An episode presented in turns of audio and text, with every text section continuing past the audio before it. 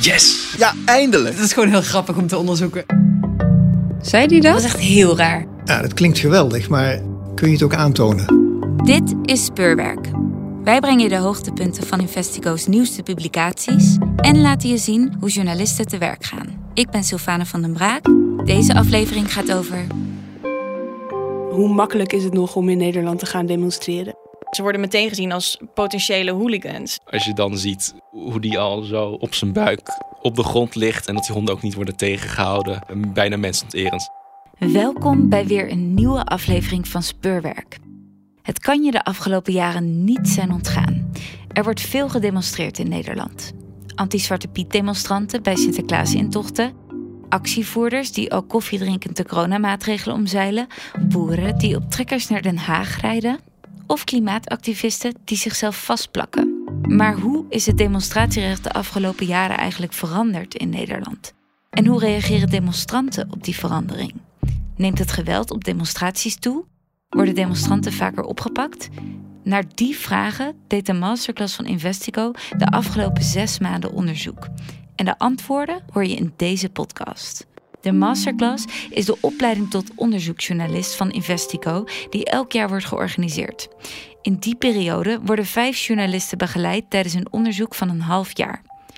Dit is de masterclass van 2023. Ik ben Sophie Pol. Ik ben Vrijan. Ik ben eh, David, David van Benten. Ik ben Daphne ten Klooster. Ik ben Simon, Simon de Kweker. Deze groep keek naar Demonstratierecht. Demonstreren is een grondrecht. Demonstratierecht. Het demonstratierecht. Het demonstratierecht.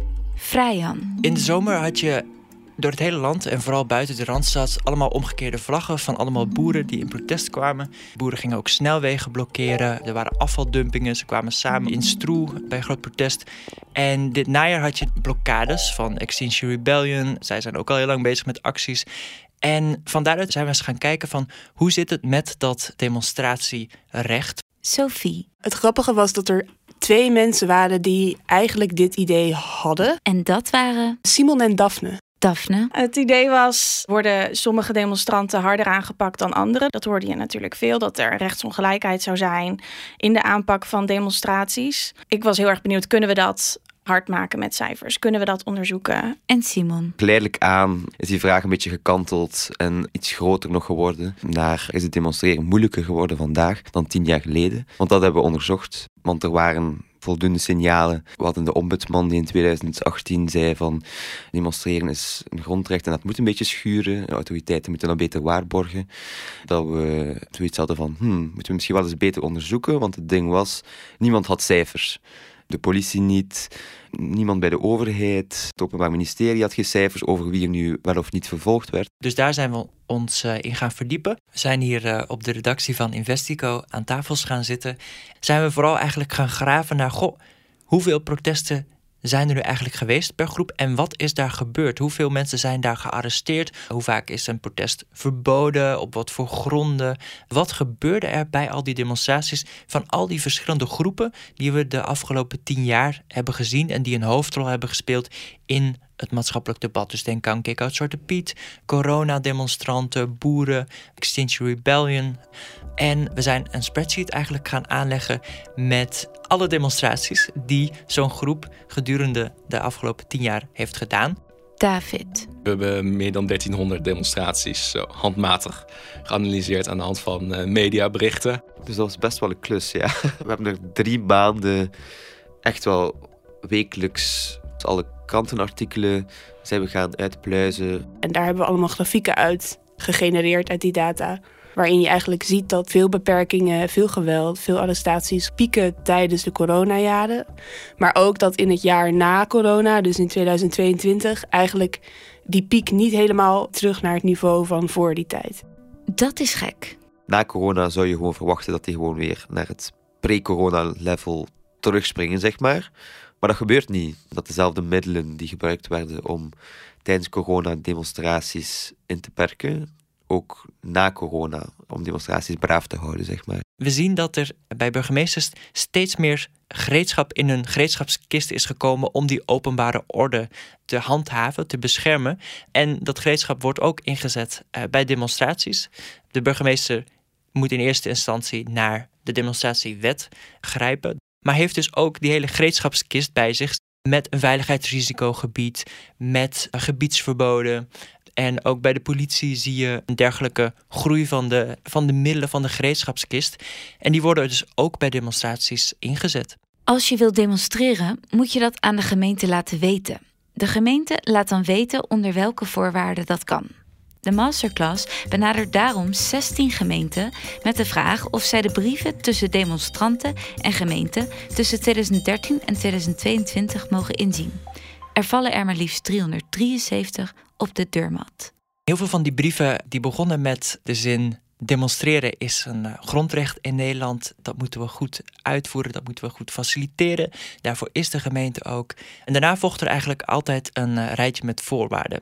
Dat mag. Een burgemeester die mag op grond van verkeersveiligheid, van gezondheid en van de vrees voor ernstige wanordelijkheden voorwaarden aan een eh, demonstratie stellen. Als ze denken dat een demonstratie daarmee gaat snijden met een van die drie criteria, dan mogen ze voorwaarden opstellen. En wij zijn eens gaan kijken hoeveel van die voorwaarden worden er nu gesteld, worden dat er meer. We zijn ook gaan kijken wat die voorwaarden dan zijn. Zijn die een beetje in verhouding met een protest? Wat wij dus zien is dat dat lang niet altijd het geval is. We zagen ook een aantal keer dat die voorwaarden weinig met verkeer, volksgezondheid, ernstige wanordelijkheden te maken hebben. Dan gaat het bijvoorbeeld over dat mensen bij een antiracismebetoging niet mogen discrimineren. Nou, dat lijkt me vrij logisch. Over dat dierenactivisme demonstraties er geen kadavers mogen worden meegebracht. Dat boeren de sleutel van hun trekker moeten inleveren als ze ergens gaan protesteren. Maar die voorwaarden verschillen per gemeente. Wat we in Rotterdam zagen tot de coronapandemie was dat het echt een waslijst was aan eh, beperkingen, soms wel 25 of 26. Terwijl in een kleinere stad als Assen dat er soms geen beperking was. Zorg in ieder geval dat je bereikbaar bent en dat is het dan. Dus misschien in een stad waar het minder vaak uit de hand is gelopen, waar er geen rellen zijn geweest, is ook een meer ontspannen houding uh, mogelijk. En dat is wel heel erg interessant, want burgemeesters zijn degene die het demonstratierecht moeten faciliteren. En zo zie je dus dat in verschillende steden er ontzettend verschillend mee om kan worden gegaan. Uit het analyseren van de brieven en openbare bronnen blijkt ook dat burgemeesters vaker naar zware bestuurlijke middelen grijpen, zoals veiligheidsrisicogebieden, om demonstranten preventief te kunnen fouilleren. In 2019 gebeurde dat niet. In het coronajaar 2021 maar liefst 12 keer. En 4 keer in het jaar na de pandemie. Het noodbevel werd in 2019 drie keer gebruikt, in 2021 wel 27 keer en het werd in 2022 nog steeds 12 keer ingezet als je in de schoenen van de burgemeester uh, gaat staan, kun je het misschien ook een klein beetje begrijpen. Je hebt natuurlijk die coronademonstraties gezien, uh, ook rellen rond de avondklokken. Uh, en ook later in 2021, hè, dat je ook wel toch wel ergens bang bent van uh, ik wil niet dat mijn eigen stadscentrum gesloopt wordt. Het is natuurlijk niet de bedoeling dat je dan bij vreedzame studentenprotesten, bij wijze van spreken, dan een veiligheidsrisicogebied uh, opstelt. Of zoals we het ook hebben gezien bij de woonopstand in Rotterdam, dat er opeens groepen worden geïsoleerd en dat er uiteindelijk inderdaad, wat is het, een, een aardappelmesje uh, wordt gevonden. Dat je denkt van was dit nou uiteindelijk nodig? Maar waarom gebeurt het dan toch? Simon legt uit in de drang naar orde en veiligheid dat autoriteiten ook wel steeds sneller ingrijpen. En dat komt natuurlijk tegelijkertijd met steeds meer burgerlijke ongehoorzaamheid die opkomt. Voorbeelden van burgerlijke ongehoorzaamheid zijn. Boeren die hun protest niet aanmelden bij de gemeente, die natuurlijk de, de snelweg optrekken. Dus, en daar zit het kat-en-muisspel van autoriteiten die steeds meer vragen van organisatoren en die op zich het liefst van al een braaf protest willen. En de demonstrant die daar gewoon genoeg van heeft. En die merkt van, wil demonstreren een beetje effect hebben. Dan maakt het niet veel uit als we gewoon wekelijks op het Malieveld gaan staan met een spandoek. Met 100 man, ik bedoel... Dan, mag je nog twee jaar staan en dan gaat uh, uiteindelijk niks veranderen. Als het niet schuurt, dan, dan verandert er ook niks. En dat is de heel moeilijke worsteling van de burgemeester van vandaag, zeg maar. Want hij staat onder heel grote maatschappelijke druk om, om ook snel in te grijpen bij demonstraties. Om die boeren van de snelweg te halen of Extinction Rebellion die vastgeplakt ergens een hoofdkantoor bezetten om die, om die daar weg te krijgen. En in zekere zin van polarisering van de ene groep voelt juist genegenheid voor dat thema waarvoor de ene groep demonstreert. En die zegt, ja, maar die mogen toch demonstreren. En de andere groep die zegt van, dit is niet meer demonstreren, dit, kan gewoon niet, dit zijn gewoon strafbare feiten. Het is niet per se slecht dat een uh, burgemeester naar de openbare orde kijkt bij de afweging van oké, wat gaat hij doen met een demonstratie? Ook omdat we zien dat demonstranten steeds onvoorspelbaarder zijn geworden. Het type demonstrant van nu is een heel ander dan de mensen die in de jaren tachtig tegen kruisraketten in het verweer kwamen op het Malieveld. Dus die demonstrant is onberekenbaarder en daar heeft de burgemeester zich tot te verhouden dat is ook echt een groot probleem voor de politie en de burgemeesters. Want ja, hoe moet je het dan faciliteren en hoe moet je dan met elkaar communiceren? Daar wordt, dan wordt het echt een heel ingewikkeld proces. En tegelijkertijd wordt dat een soort van cyclus dat de autoriteiten en de demonstranten elkaar niet meer vertrouwen. En dan wordt het een soort neerwaartse spiraal van wantrouwen. En die neerwaartse spiraal van wantrouwen wordt pijnlijk duidelijk als Vrijan een interview heeft. Vlak voor kerst zat ik een boer in de achterhoek, een dorpje vlak tegen de Duitse grens. Want hij was heel erg betrokken bij de boerenprotesten. En aan het einde van het gesprek vroegen we hem: Je bent een actievoerder, een demonstrant. Heb je nou ook het idee dat de politie jou in de gaten houdt? En hij begon een beetje te slikken. En toen vertelde hij van ja, eigenlijk. Uh, eigenlijk wel. Toen kwam er een, uh, een verhaal, daar zijn we ook uh, achteraan gegaan. En kwamen we bij een kastelein uit in datzelfde dorpje in de achterhoek.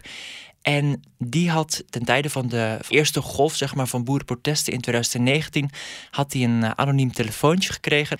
En dat telefoontje was van iemand van de politie en die vroegen van ja, kunnen we vanmiddag langskomen en kan dat gebeuren op een plek waar niemand het kan zien? We kunnen ons niet voorstellen.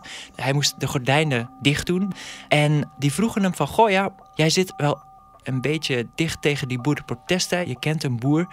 En boeren verzamelden ook op zijn parkeerterrein als ze naar een protest gingen met hun trekkers. En er werd hem gevraagd: zou je ons wat informatie willen geven als je meer weet over boerenprotesten die op handen zijn? En hij twijfelde, maar heeft het uiteindelijk toch, toch mee ingestemd. Toen werd hem een telefoonnummer gegeven. Hij moest het in zijn telefoon zetten. Moest daar ook een anonieme naam voor gebruiken. Gedurende een, eh, een dik half jaar heeft hij, als de politie daarom vroeg, berichtjes gestuurd naar dat anonieme telefoonnummer met aantallen locaties van protesten, ook aantallen trekkers. En op een gegeven moment, zo na ongeveer een half jaar, wilden ze weer langskomen. De gordijnen die zaten weer dicht en uh, er werd hem een, uh, een envelop over tafel geschoven. Daar zat uh, 250 euro in met de mededeling van... je hebt ons informatie gegeven die wij nog niet wisten. Dank je wel daarvoor. De kastelein die bleef een beetje beduust achter en ook met een vieze smaak in zijn mond, want dit was niet wat hij had gewild. De kastelein en de boer zijn, zijn beste vrienden van elkaar. De kastelein mocht niet vertellen aan de boer dat hij contact had met de politie. Dat heeft hij wel gedaan. Hij zei: Voor mijn vrienden heb ik geen geheimen. Betaalde informanten. De houding van de politie naar demonstranten is veranderd, ziet Sophie. De politie is in de eerste plaats helpen ze bij het demonstreren. Dus ze zorgen dat de route veilig is. En als er een tegendemonstratie is, dan zorgen ze dat de groepen op veilige afstand van elkaar kunnen blijven. Daarvoor staan ze ook in direct contact met demonstranten. Maar dat contact dat verandert. De coronaperiode lijkt daarin dan wel een verandering te zijn geweest. Omdat er toen heel veel ME-inzet is geweest. En er is zoveel geweld geweest. Dat lijkt iets te hebben veranderd in de standaard of zo. Demonstranten die vertelden dan... ja, tijdens corona was gewoon voor het eerst dat ik zo'n ME-linie op mezelf gericht zag. Dus ze stonden niet om ons heen naar buiten gericht om ons te beschermen... maar ze stonden met hun knuppels en schilden naar ons gericht. Bij de politie zien we ook dat daar bepaalde maatstaven worden gebruikt en bepaalde aanpakken die ze ook bij voetbalhooligans gebruiken. Je ziet dat die twee dingen, demonstreren enerzijds, rellen, voetbalhooliganisme anderzijds, dat die qua aanpak steeds meer in elkaar vervlochten raken, dat die steeds meer mengen. Maar de politie moet ons toch ook beschermen tegen gevaarlijke demonstranten? Die zijn er toch ook? Inderdaad, zulke demonstranten zijn er ook. Die niet vreedzaam zijn, die wel geweld gebruiken en agressief zijn. Maar over het hele scala wordt gedemonstreerd. En te vaak worden demonstranten al met die achterdocht benaderd. Ze worden meteen gezien als potentiële hooligans. Eén zo'n potentiële hooligan vanuit het perspectief van de politie was Tim Verbij. David spreekt hem over wat hem overkwam op het Malieveld. Hij stond te zwaaien met een startkabel. Heeft daar niet mensen of politiepaarden mee geraakt. Toen heeft hij dat ding weggegooid. Toen is hij naar eigen zeggen zelf uitgeleden. En toen werd hij vervolgens belaagd door de politie. En die is uh, ja, op zijn hoofd geslagen, heeft politiebeten gekregen. Als je dan ziet hoe die al zo op zijn buik op de grond ligt en die honden maar ziet gaan en dat die honden ook niet worden tegengehouden. Maar dat zo'n iemand al eigenlijk weerloos was en zo wordt toegetakeld en dat het ook op beeld te zien is. Ja, dat is schokkend. Bijna mensonterend. Daardoor zijn ook allerlei dingen in zijn persoonlijk leven gebeurd. En heeft hij zich gewoon maar moeten laten uitschrijven bij de Kamer van Koophandel om een uitkering eh, aan te kunnen vragen. Die moet nu van heel weinig rondkomen. En hij hoort nog steeds alles onder water. Dus je merkte ook gewoon aan de manier van praten dat, dat hij nog niet helemaal hersteld leek. Hij praat echt vrij luid. Het deed je beseffen dat uh, bij iemand die al uh, bijna twee jaar geleden op zo'n demonstratie stond, dat dat ja. nog steeds zulke gevolgen heeft. Ging toen ook wel eens alleen naar een demonstratie, maar doet het nu echt alleen maar met vrienden. En blijft hij op een uh, grote afstand toekijken. Want wat hij heeft meegemaakt, wil hij absoluut niet nog een keer doormaken. Ja, dat kwam wel binnen. Het verhaal van de demonstrant is schijnend, maar voor de politie is het ook niet zo makkelijk. Ze moeten continu opdraven op demonstraties, terwijl dat ook maar een heel klein deeltje van hun taak is of zo. Terwijl dat, dat ook gewoon vaak in het weekend is natuurlijk. En dan, sommige agenten konden echt weken hun familie niet zien. En dat week na week in soms een vijandige context. En ook een gestreste situatie voor hen vaak. Dus dat is ook iets dat meespeelt natuurlijk. Simon spreekt ook oud-politieagent Joost Valk, die toch wel kritisch is naar het handelen van de overheidsdienst. Hij heeft heel veel protesten gedaan, vaak op het Malieveld gestaan in de rol van verbindingsman. Hij was de man die eigenlijk de facto voor demonstranten eigenlijk demonstratie organiseerde. En hij stond dan ook tussen hen op het Malieveld, tussen hen te demonstreren in een fluo hesje, dus super zichtbaar. En voortdurend de vragen beantwoorden die demonstranten hadden en helpen. Volgens hem is die rol nog veel te ondergewaardeerd. Hij zegt vaak, geef mij gewoon 20 of 30 agenten die goed kunnen praten met demonstranten en die voldoende inlevingsvermogen hebben. En dan heb je de helft minder ME'ers nodig, zeg maar. Maar kan dat nu dan nog? Goeie vraag. Uh, heel goede vraag. Hij is er uiteindelijk mee gestopt, omdat er, hij dacht, dat is niet meer de functie die het in het begin was. Hij ervaarde een zekere vorm van polarisatie tijdens corona, waarbij hij eigenlijk als verbindingsman voor niemand nog goed kon doen. Niet voor de demonstrant, niet voor de autoriteiten. De autoriteiten zeiden, ja, bij wie hoor je nu eigenlijk? Hoor je wel bij ons? Het vertrouwen is gewoon volledig weg. En dat zie je in alles. Dat er minder mag, dat, er, dat de demonstrant toch steeds verder het randje overgaat. En er was heel veel geweld. Ze heeft ook met eigen ogen gezien dat er sommige dingen gewoon echt te ver gingen van de, van de politie ook. De politie wil ook zoveel mogelijk aanwezige demonstranten identificeren. Soms worden de demonstranten zelfs aangesproken met hun naam terwijl ze aan het demonstreren zijn, voordat ze hun ID-bewijs hebben laten zien. Hoe kan dat? De politie heeft heel veel foto's in de database. En er worden ook foto's van sociale media voor gebruikt om zogenaamde smoelenboeken te maken. Dus dat zijn eigenlijk documenten met foto's van mensen en hun namen. Bijvoorbeeld bij Schiphol en de A12-bezetting in januari door Extinction Rebellion vertellen heel veel demonstranten ons dat ze nadat ze werden gearresteerd, geïdentificeerd zijn aan de hand van zo'n smoelenboek. Het is een soort vangnet waarin ze gewoon proberen zoveel mogelijk mensen te identificeren. Dat gebeurde ook bij een demonstrant die Vrijan interviewde. Hij heet... Ruben Schild, een uh, jongen van in de twintig... die bij woonprotesten, woonopstand in Amsterdam... en later in Rotterdam mee ging lopen om, uh, om te demonstreren. Op de Erasmusbrug stond hij uh, op een bepaald moment helemaal vooraan... in de linie tussen de demonstranten enerzijds en de politie anderzijds. En kreeg hij een duw, duwde hij terug naar een agent en werd hij uit de massa gesleept. Hij werd dat busje ingezet en daar was keiharde muziek van Ramstein. En hij zat in dat busje en hij uh, was heel erg angstig, heel bang van dat ik hier ineens word opgepakt. Voor opruiing was het.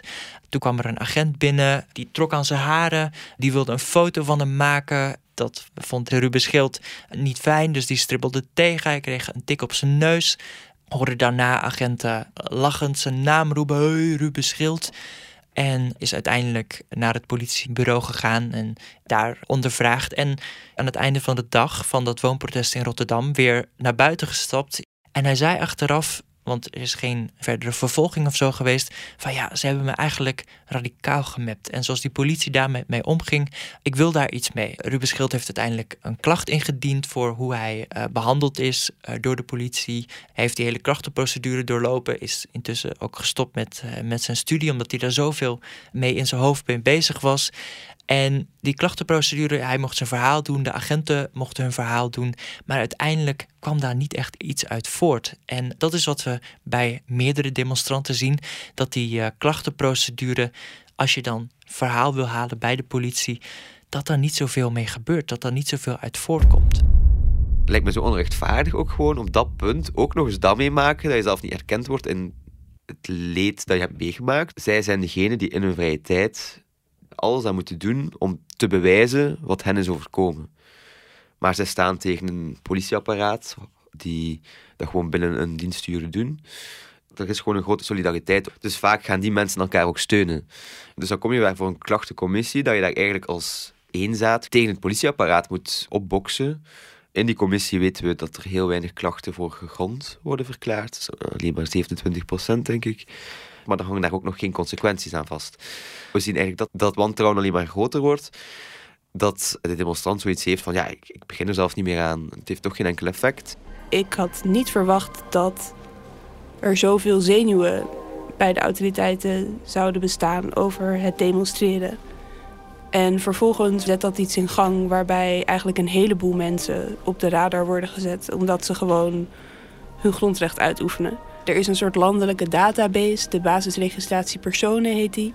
En daarin staan van iedere Nederlander een aantal persoonsgegevens, je naam en je adres. En allerlei instanties mogen die informatie gebruiken voor de uitvoering van hun werk. Je kunt dus bij je gemeente opvragen hoe vaak die instanties dat ook daadwerkelijk hebben gedaan.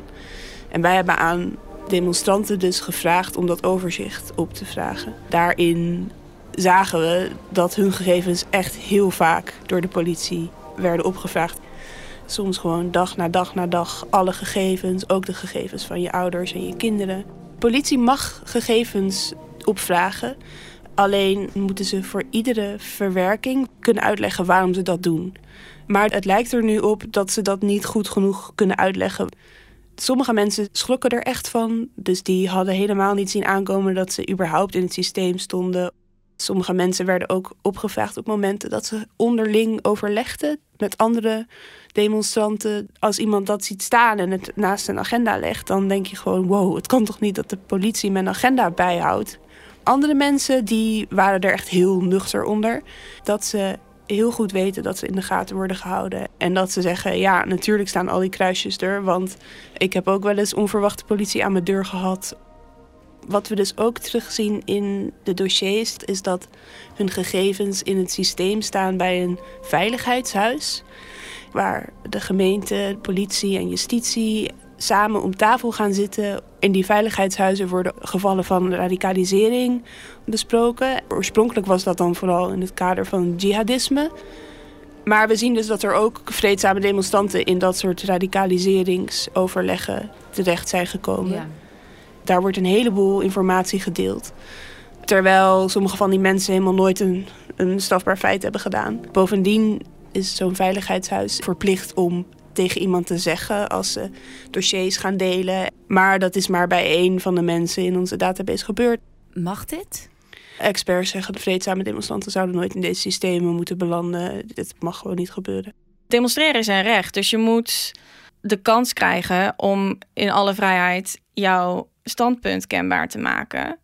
En als je dan bij voorbaat al wordt benaderd als een potentiële hooligan of onruststoker, dat is wel een kwalijke ontwikkeling.